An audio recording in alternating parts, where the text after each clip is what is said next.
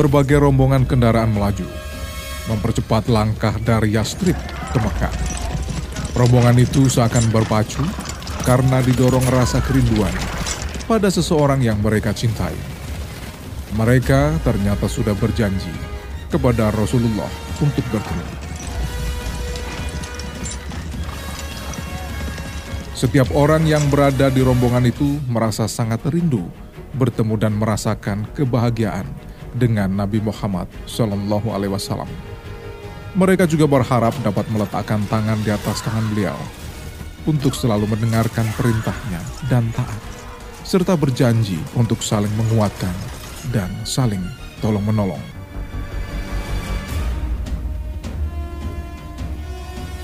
Di antara rombongan itu ada orang tua, salah satu pemuka kaum.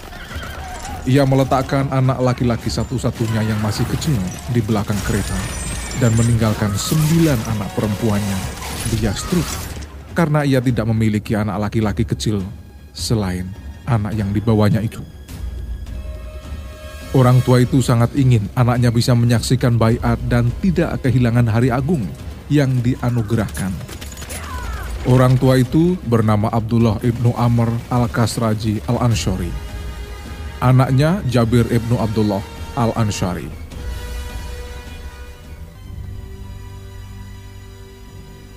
Keimanan pun menyinari setiap sendi Jabir ibnu Abdullah dan hubungan Jabir bersama Rasulullah Shallallahu Alaihi Wasallam menjadi kuat sejak mereka muda.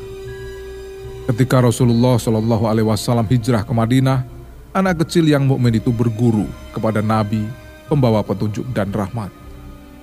Ia pun menjadi sebagian orang utama yang diluluskan oleh pendidikan Muhammad menjadi penghafal kitab Allah untuk kepentingan manusia dan menjadi periwayat hadis Rasulullah Shallallahu Alaihi Wasallam. Ia menjadi sumber penyiaran dan petunjuk bagi kaum muslimin sepanjang waktu. Jabir ibnu Abdullah tidak mengikuti perang Badar dan perang Uhud bersama Rasulullah. Karena di satu sisi ia masih kecil, sementara ayahnya juga memerintahkannya untuk tinggal bersama sembilan saudara perempuannya.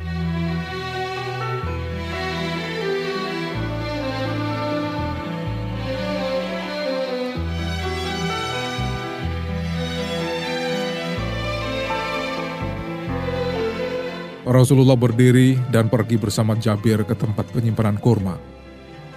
Lalu Rasulullah berkata, Panggillah orang-orang yang berpiutang kepada ayahmu. Maka Jabir berangkat memanggil mereka. Saat datang, Jabir melihat Nabi Muhammad SAW masih menakar kurma dalam jumlah besar. Hingga akhirnya Allah melunasi hutang ayahnya dengan kurma yang jumlahnya tidak terbatas. Sejak kejadian itu, Jabir ibnu Abdullah al-Ansyari tak pernah absen dari satu peperangan pun bersama Rasulullah Shallallahu Alaihi Wasallam.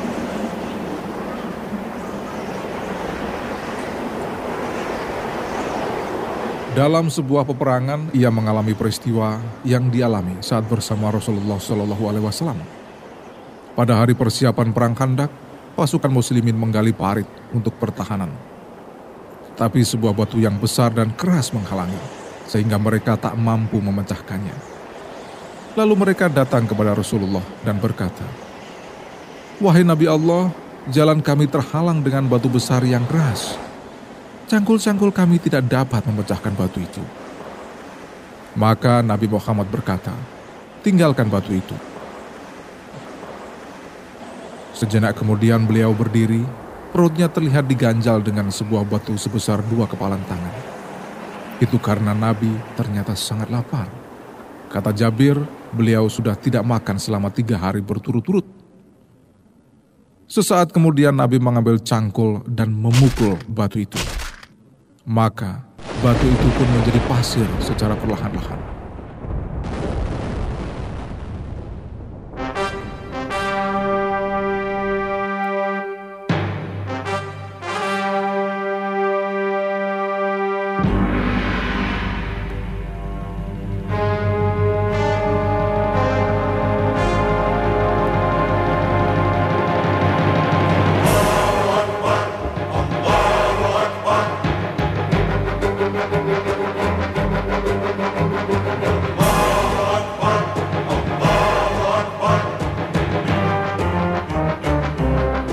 Suatu saat ia menuju kerajaan Romawi untuk jihad visabilillah. Pasukan itu dipimpin oleh Malik ibnu Abdillah al-Khatsami. Malik berkeliling-keliling dengan tentaranya. Mereka berangkat untuk mengetahui situasi dan mengintip kekuatan musuh. Malik kemudian bertemu dengan Jabir ibnu Abdillah yang sedang berjalan kaki, padahal ia sedang membawa keledainya yang diikat dengan tali kekangnya, dan ternyata malah dituntun. Maka Malik ibnu Abdillah berkata, Ada apa denganmu wahai Abu Abdullah? Kenapa kau tidak menunggangi keledaimu? Padahal Allah memberikan kemudahan kepadamu dengan punggungnya yang dapat membawamu ke mana saja. Maka Jabir menjawab, Aku dengar Rasulullah Shallallahu Alaihi Wasallam bersabda, Barang siapa yang kedua kakinya berdebu dalam mengerjakan perintah Allah, maka Allah akan mengharamkannya masuk neraka.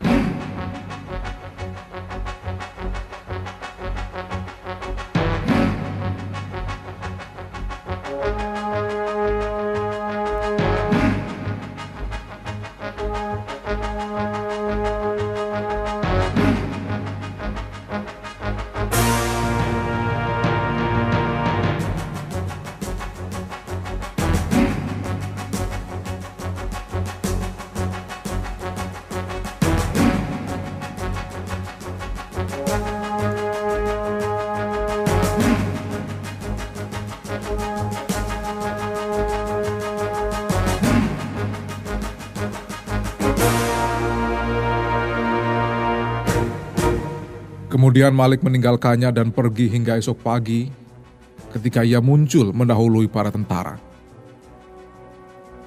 Malik menoleh kepadanya dan memanggilnya dengan suara keras.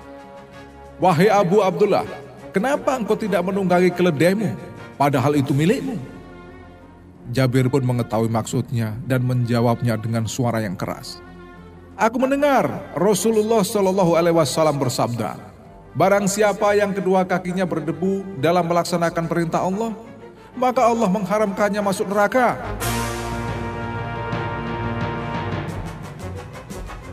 Lalu pasukan Malik ibnu Abdullah al-Khatsami yang mendengar kata-kata Jabir melompat turun dari binatang tunggangannya. Mereka semua mendapatkan ganjaran ini. Tidak ada pasukan yang pejalan kakinya lebih banyak dari pasukan Malik ibnu Abdullah al-Khatsami.